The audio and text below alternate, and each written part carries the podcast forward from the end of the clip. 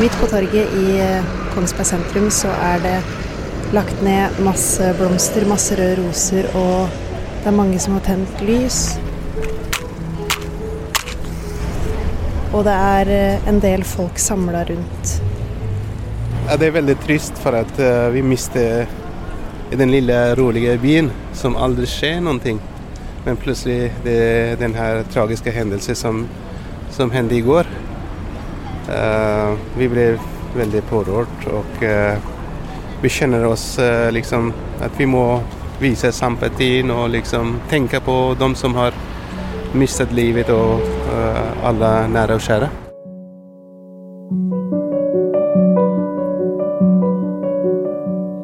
Denne uka ble Norge rysta av en tragedie.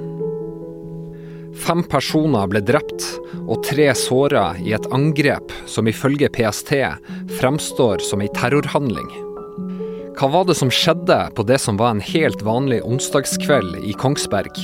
Og hva vet vi om mannen som nå er sikta etter massedrapene? Dette er en bonusepisode av Krimpodden, og navnet mitt er Håvard Christoffersen Hansen.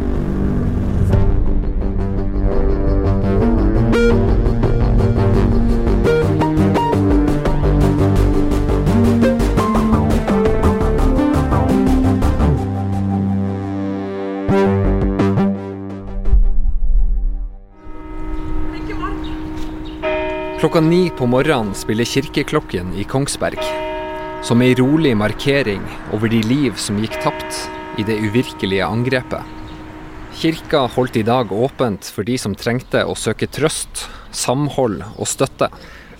Reporter i Krimpodden Natalie Remu Hansen. Nå står jeg utenfor Coop Extra midt i Kongsberg sentrum. Jeg har gått fra den siktedes bopel, det tar et par minutter opp en liten bakke. Coop Extra, det var eh, et av de første stedene politiet dro til etter å ha fått melding om at en person gikk rundt med pil og bue. Fordi det var her en politimann i sivil ble truffet av en pil. Den eh, Coop Extraen eh, er stengt i dag, dagen etter angrepet. Det står vakthold rundt, og det er politisperringer utenfor butikken. Hvis vi beveger oss rundt kvartalet, så kommer vi til en gate der det også var funnet piler inn i veggen. Massedrapsmannen ble i dag identifisert som 37 år gamle Espen Andersen Bråten. Han har i hele sitt liv bodd i Kongsberg, men har dansk statsborgerskap. Bråten erkjenner å stå bak angrepet, men det er foreløpig uklart om han erkjenner straffskyld.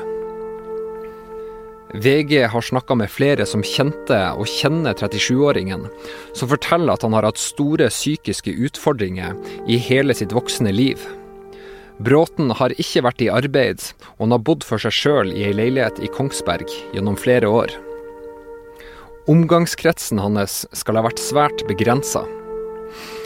En tidligere nabo av den sikta mannen har fortalt til VG at han fikk en dårlig følelse av 37-åringen, og at han unngikk kontakt. Et familiemedlem av Bråten har fortalt til Ekstrabladet at familien gjentatte ganger har varsla politiet og andre myndigheter. Reporter i Krimpodden Natalie Remu Hansen har også snakka med to tidligere naboer. Men OK, da tar jeg eh, opp litt lyd. Ja. Um, da tar jeg opp min mobil og denne. Vil dere bare først si navnene deres? Ja, jeg heter Silje Limstrand. Så er det Gudon Hersi. Uh, jeg har syntes at den personen har virket veldig skummel. Han har gått mye inn og ut av leiligheten, sett seg rundt i gata og gått mye fram og tilbake, egentlig uten å skulle noe spesielt, har det virka som.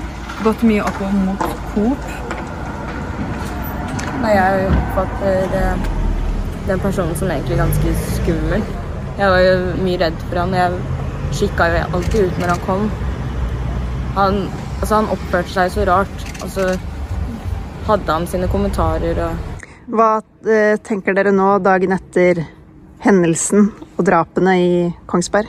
Jeg syns det er skummelt. Det er helt uvirkelig at vi har vært så tett oppå alt sammen.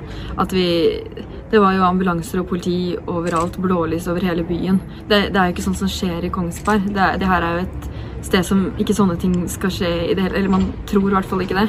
Så det er helt uvirkelig, syns jeg. Det er skummelt. Det virker ikke som om det er ekte i det hele tatt. Hvorfor kom dere bort uh, til adressen her i dag, nå som dere ikke bor her lenger? Vi så bildet av døra. Så følte vi liksom at det her må vi faktisk bekrefte. Og vi gikk jo forbi og så disse politimennene, og så hadde vi liksom Det har gått mye mistanke rundt, og så Og vi, er, vi så liksom politimennene utafor døra hans, og så ser vi døra hans. Da må vi jo Vi klarer jo ikke la være å komme opp for å bekrefte at det her faktisk er sånn. Ja.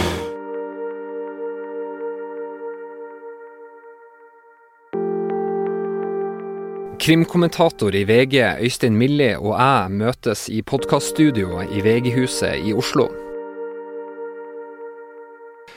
Vi har nå fått vite at det er 37 år gamle Espen Andersen Bråten som er sikta etter massedrapene, og vi vet at han har dansk statsborgerskap. Og ifølge politiet skal han eh, være en konvertitt til islam. Eh, hva mer vet vi om denne mannen, Øystein?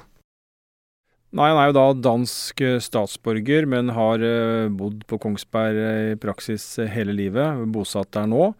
Politiet sier, som du er inne på, Håvard, at han er en konvertitt til islam.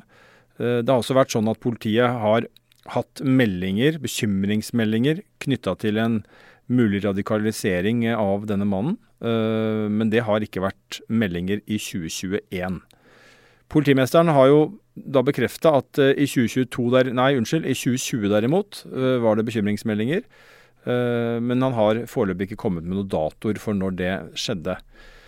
Og så har jo selvfølgelig spørsmålet om angrepet er religiøst motivert blitt reist. Og politimesteren svarer på det at han Vi vet ingenting om motiv foreløpig, men det er naturlig å stille det spørsmålet. Vi vet jo at politiet allerede er i gang med å etterforske, finne ut av om det Eh, kan kategoriseres på den ene eller andre måten.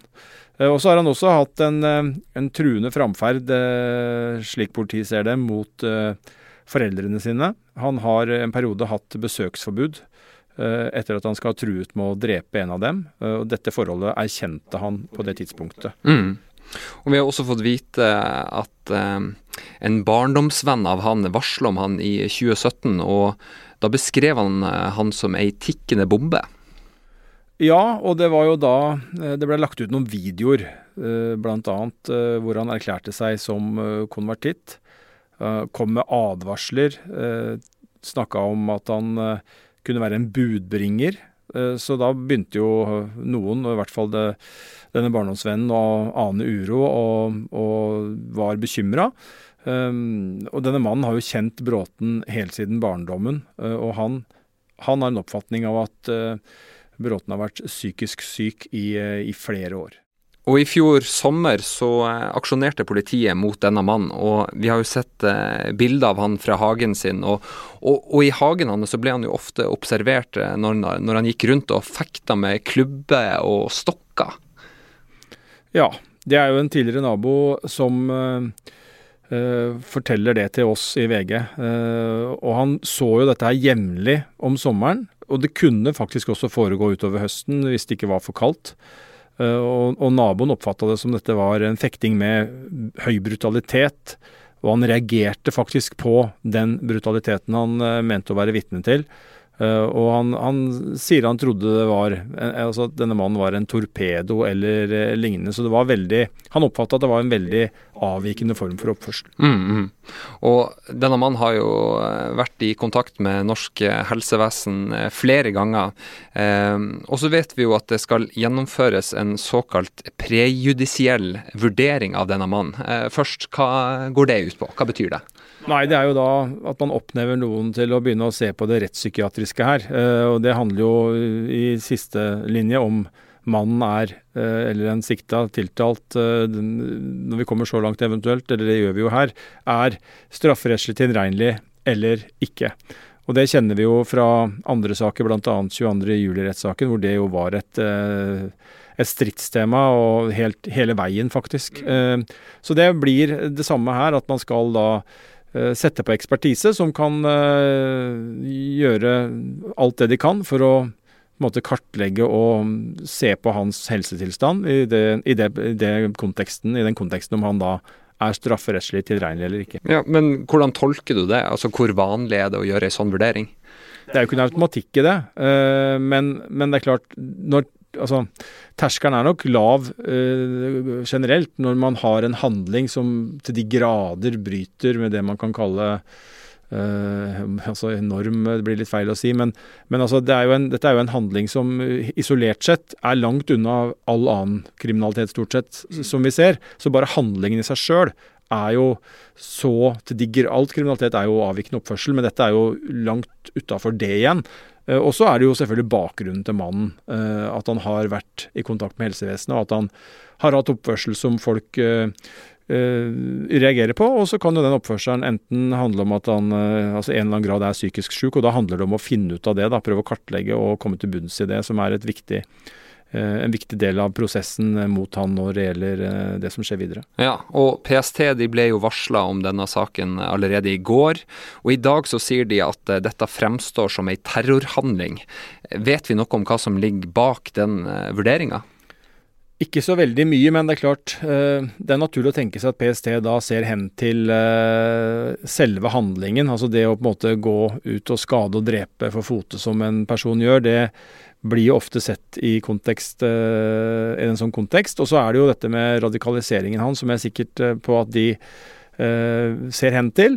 og så er det jo veldig tidlig, veldig, veldig tidlig, med tanke på både et, på en måte et, et, et motiv da, som man kan gå i dybden på. er det for tidlig å si noe om? Og det er jo også veldig tidlig med dette med, som vi snakka om akkurat, nemlig med om det er en strafferettslig tilregnelig person vi snakker om, eller om det ikke er det. Så det er eh, ja, veldig tidlig i etterforskningen. Eh, det er ganske, de spørsmålene vi snakker om nå er jo ganske omfattende spørsmål, og som krever ganske mye undersøkelser og etterforskning før man kan konkludere. Mm.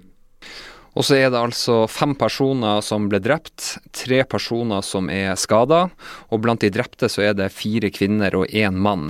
Eh, hva mer vet vi om ofrene etter denne tragedien? Eh, foreløpig så vet vi jo ikke så veldig mye mer. Vi vet uh, i tillegg til det du sa, Håvard, at alle er i alderen 50 til 70 år. Politiet har jobba med å varsle de pårørende, selvfølgelig, og de har klart det. Men det er jo sånn at man ikke har formelt identifisert alle de døde. så vet vi at en av de skadde er en politimann. Han, eller hun, det er vel da en han så lenge det er brukt politimann som begrep, var ikke på jobb da dette da vedkommende ble, ble skadet, eh, angrepet. Og politimesteren sier han ikke har fått noen rapporter om noen relasjon mellom ofrene og den som er sikta. Så det er jo det vi vet. Ja, Betyr det da at eh, disse personene her kan, kan ha vært tilfeldige ofre? Det fremstår jo sånn ut fra det lille vi vet, eh, og når vi hører at eh, han har angrepet eh, over et større område, både innendørs og utendørs, så tenker jo jeg at det, det kan tyde på at dette er vært i hvert fall i en stor grad tilfeldig. Men, men, det er også igjen da, en av de tinga som det er tidlig og ja, altfor tidlig å konkludere rundt. Det blir på en måte bare et førsteinntrykk. Eh, det vi ser nå. Men, men, eh, vi kan vel snu på det og si at så langt er det ikke kjent at det foreligger noe informasjon som trekker i retning av at det er noen eh, på en måte gjort noen, noen utvalg her, men at det, det, later til at det er tilfeldige ofre. Og så er det jo også mange som stusser på dette med at mannen har brukt pil og bue, og da tilsynelatende utretta stor skade med dette våpenet. Men vi vet også at han har brukt andre våpen. Ja, det fikk vi jo vite først i dag. I går så var det jo snakk om at det var pil og bue, men, men, nå er det snakk om andre våpen. Vi vet vel ikke noe om hva slags type våpen.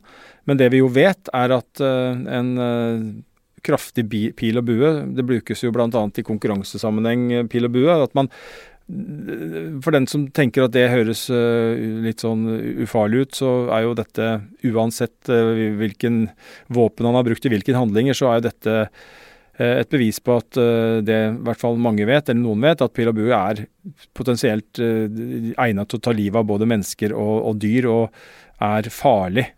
Så det er i hvert fall et faktum. Og så er det jo enda mer alvorlig at han da har brukt flere våpen og hatt tydeligvis da uh, muligheten til å ja, skade på flere måter enn en bare med pil og. Mm. Og så må vi gå tilbake til tidslinja i går. Eh, fordi at klokka 18.12 så fikk politiet inn eh, første melding. Og klokka 18.47 så ble denne mannen pågrepet. Eh, men politiet hadde jo kontakt med denne mannen klokka 18.18, 18, men så mista de han igjen. Og politiet sier at de tror at alle fem eh, trolig ble drept etter det tidspunktet. Hvordan tolker du det? Ja, det her blir garantert, eh, og det har det vært varsla allerede. Politimesteren har sagt at dette vil, eh, altså hele politioperasjonen vil bli evaluert, og det er klart dette blir en diskusjon rundt. Og der er det mange muligheter og på en måte mange innfallsvinkler på det. Men det er klart, dette har jo vært en mann som har vært bevæpna med pil og bue og andre våpen. Politiet Eh, kommer da, som du sier, i kontakt med ham, mister ham igjen. Vi vet at de andre gangen de var i kontakt med ham, så ble de beskutt med flere piler. Uansett da, så er det jo bunnløst tragisk at man, uten at jeg legger noe kritikk på politiet i det, men faktum er jo at det er jo fryktelig at man ikke øh, lykkes med å stoppe ham før. Eh, det tror jeg alle er enige om. Eh, og så kan det være veldig gode grunner til at det ikke gikk. Men, men, han var jo på frifot lenge, og han har jo operert over et større område. Og det har jo vært åpenbart en kaotisk situasjon. Vanskelig å få oversikt. Vi har hørt øyenvitner fra Kongsberg fortelle om, og det er jo lett å se for seg, at dette området har både Altså det er mørkt, det er bakgårder, det er sidegater, det er biler parkert, hushjørner. Altså det er jo på en måte muligheter for å komme seg unna, da. Og, og, det har jo denne mannen da klart i ganske lang tid før politiet til slutt pågrep. Produsent for Krimpodden er Vilde Worren. Krimekspert Øystein Millie og journalist Natalie Remu Hansen var med.